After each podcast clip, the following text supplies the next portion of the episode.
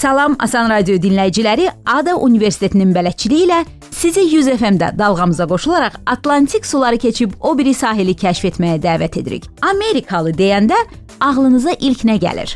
Hazırda düşündüyünüz müxtəlif sözlər ola bilər, amma ehtimal edirəm ki, əksəriyyətinin qaynağı ya gördüyünüz Amerikan filmlərindən, ya da izlədiyiniz Amerikan musiqi kliplərindən gəlir.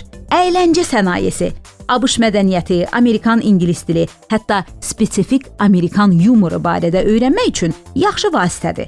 Amma Hollywood kimi tanıdığımız Amerika film sənayesi ABŞ-ı nə dərəcədə real təsvir edir? Bu gün bu suala cavab verəcəyik.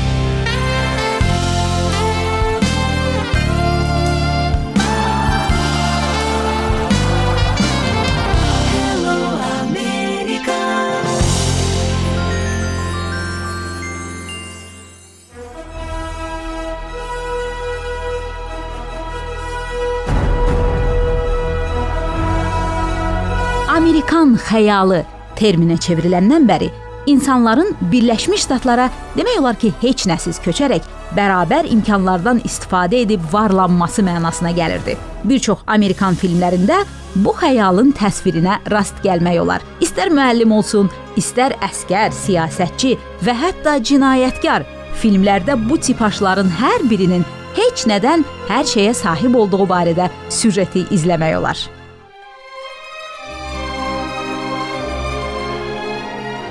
Xaç atası, çapıqlı üz, aviator, dəmir adam.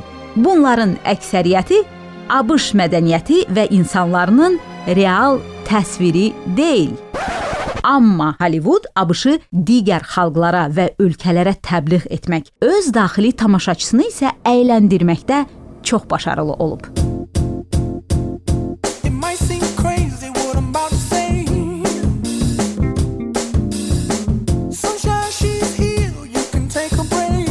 Hollywoodla gerçək Amerikanı müqayisə etsək, filmlərdə təsvir olunan cəmiyyət, siyasi və hətta ailə münasibətləri həqiqətdən uzaqdır.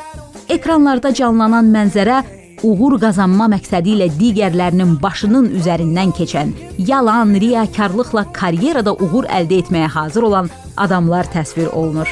Halbuki Amerika cəmiyyətinin dəyərləri arasında xeyriyyəçilik və ictimai fayda vermək məqsədi ilə könüllülük geniş yer alır. Bundan başqa, karyerada əhəmiyyətli uğur qazanmaq üçün Amerika şirkətlərində qısa müddət deyil, 15-20 il lazım olur. İş mühitində qanunsuz hərəkətlər isə baha başa gələ bilər. Hələ filmlərdə tez-tez yer alan açıq-saçıq səhnələri demirəm. Statistika göstərir ki, son illər Amerikalı gənclər ümumiyyətlə daha az sayda intim münasibətlərə meyl göstərirlər. Amerikalı ailəsi də kifayət qədər mühafizəkardır. 75% cütlüklər xəyanət fikrini qəti qəbul etmir. Amerikan serialları qəhrəmanları arasında müxtəlif irqlərə aid və yaxud eyni cinsli cütlüklər yer alsa da, yenə də ABŞ statistikası göstərir ki, real həyatda bu elə də adi hal deyil. İrqlər arası evliliklər Amerika əhalisinin 10%-ını belə təşkil etmir.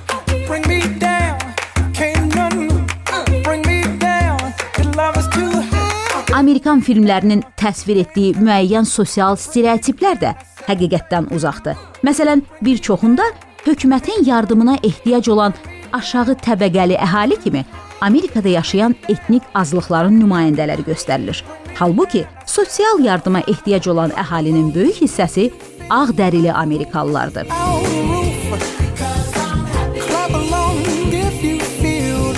Bir qayda olaraq filmlərdə azadlıqdan məhrum olanların əksəriyyəti qaradərili və ya ispan dilli nümayəndələr kimi təsvir olunur. Halbuki ABŞ həbsxanalarında cəza çəkən həm kişi, həm də qadınlar arasında ağ dərililər üstünlük təşkil edir. Və nəhayət, Hollywood filmlərində ABŞ müharibələrdə həmişə qalib tərəf kimi göstərilir. Amma həqiqətdə 2-ci Dünya müharibəsindən bəri Amerika heç bir savaşda qalib gəlməyib. Çünki hərbi münaqişələrin formatı ümumiyyətlə dəyişib.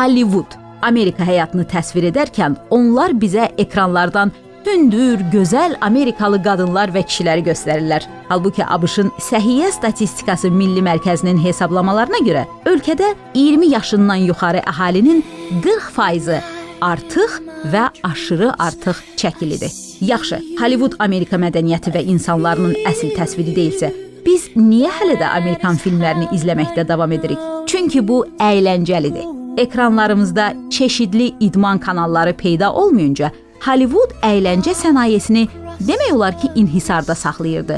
Hətta bu gün belə dünya tamaşaçısının yarısı əyləncə üçün idman, xəbər və ya digər proqramlar deyil, məhz film sənayesi istehsalını izləyir. Bəzi nəhəng film korporasiyaları, məsələn Disney-in bir filmdən əldə etdiyi gəlir milyard dolları aşır. Amerikalıların sosiallaşmasında kinoya getmək hələ də ənənədir.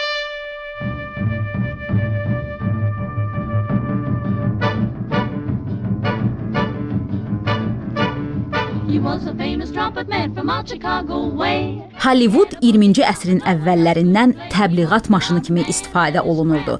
Film sənayesi ABŞ hökuməti ilə birgə işləyərək müəyyən mesajları və davranış tərzlərini populyarlaşdırmaqda kömək edirdi. Amerika əhalisinin yarısı ekrana baxaraq əylənirsə, onlara təsir etmək, müəyyən ideologiya və xidmətləri təbliğ etmək üçün bundan yaxşı vasitə ola bilməzdi. İkinci Dünya müharibəsi zamanı Amerika hökuməti Hollywood filmlərini maliyyələşdirərək ABŞ-ın müharibədə iştirakına ictimai dəstək toplamağa başladı. O zamana qədər Amerikalılar bu məsələdə neytral idilər. Böyük ekranlarda film qəhrəmanları cəngavər kimi qəddar nasistlərə və insani cəhətləri olmayan yaponlara qalib gəlirdilər. Nəzərə alaraq ki, müharibə vaxtı Hollywood filmləri Amerikadan kənar bazarda göstərilmirdi, diplomatik etirazlar və boykotlar da yox idi. Müharibə illəri həm də Amerika daxilində irqçiliyə qarşı artan mübarizə illərinə təsadüf edirdi. Prezident Franklin Roosevelt Amerika ictimaiyyətinin ABŞ-ın müttəfiqləri tərəfində savaşmasına dəstəyini qazanmağa çalışırdısa, Walter White kimi ictimai xadimlər əsl mübarizənin evdə bərabərlik hüququ uğrunda aparılmasında israr edirdi. Bu fikir ayrılığını kökündən həll etmək üçün ABŞ-ın Müharibə İnformasiyası İdarəsi Hollywoodda çəkilən filmlərin qəhrəmanları arasına digər irqlərin də təmsil olunması sifarişlərini verirdilər. Təbliğat 2-ci Dünya müharibəsi bitdikdən sonra da davam etdi. Xüsusilə soyuq müharibə illərində Hollywood kommunist rejimi altında həyatın nə qədər əzablı olduğu barədə filmlər istehsal etməyə başladı.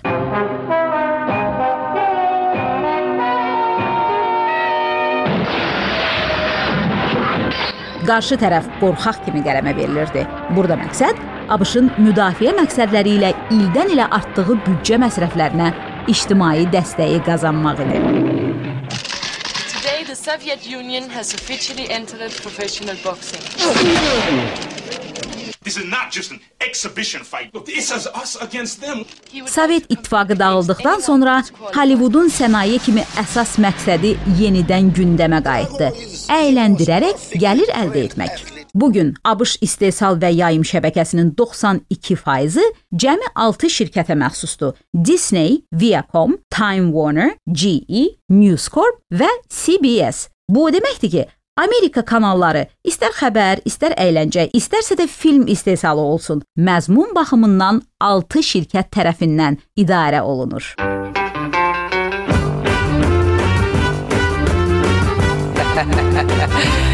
Yeah, my man. Liberal mövqeyi ilə tanınan Hollywood sənayesinə Amerikanın mühafizəkar yarısının tənqidi də bundan ibarətdir ki, istehsal edilən film və proqramlarda Amerikan həyatı olduğu kimi göstərilmir. İndi də bu demokrat siyasi düşərgəsinin təbliğat maşınına çevrilib. Bundan əlavə, Amerika filmləri ən böyük film bazarı olan Çin auditoriyasının zövqünə uymaq üçün məzmun baxımından dəyişdirilir. Məsələn, homoseksual azlıqlara dair səhnələr Çin və ya Yaxın Şərq bazarlarına satılan filmlərdən çıxarılır. Amerika bayrağının təsviri belə xarici tamaşaçını çox qıcıqlandırmamaq üçün minimuma endirilir. Bunun ən bariz nümunəsi komikslərin sevimlisi Kapitan Amerika qəhrəmanının son filmlərdə qiyafəsinin Amerika bayrağı rənglərindən tünd qiyafəyə dəyişməsidir.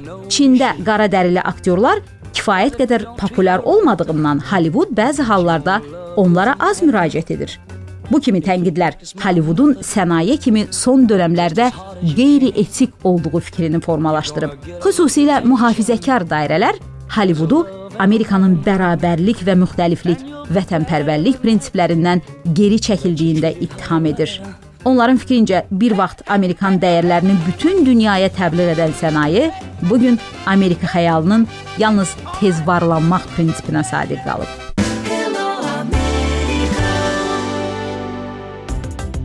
Hollywood nəyə görə Amerika reallıqlarını təsvir etmir? Hello America proqramında bu haqqda danışırıq. Məsələn, 60% Amerikalı bu gün özlərini dindar hesab edir. Halbuki filmlərdə Amerikalılar dünyəvi və dindar insanlara istiza edən insanlar kimi təqdim olunur. Və yaxud maliyyə çətinlikləri olmayan Amerikalı film qəhrəmanları bir reallığı örtbasdır edirlər ki, bu gün 70% Amerikalıların kredit kartı borcları qənaətlərindən daha çoxdur. Vəziyyət bu olsa da, heç kim ekranların qarşısına keçəndə gerçəklik axtarmır. Tamaşaçılar məhz ona görə film və seriallara baxırlar ki, onları bir neçə anlıq olsa da real həyatdan uzaqlaşdırsın.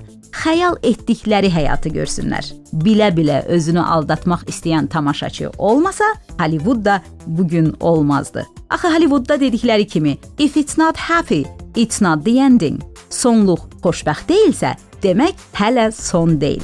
Hello Amerikada sizinlə yalnız müvəqqəti sağollaşır.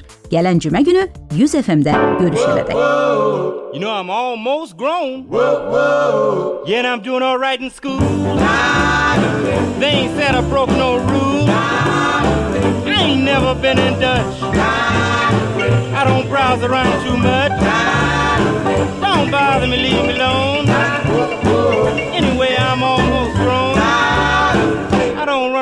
No mob.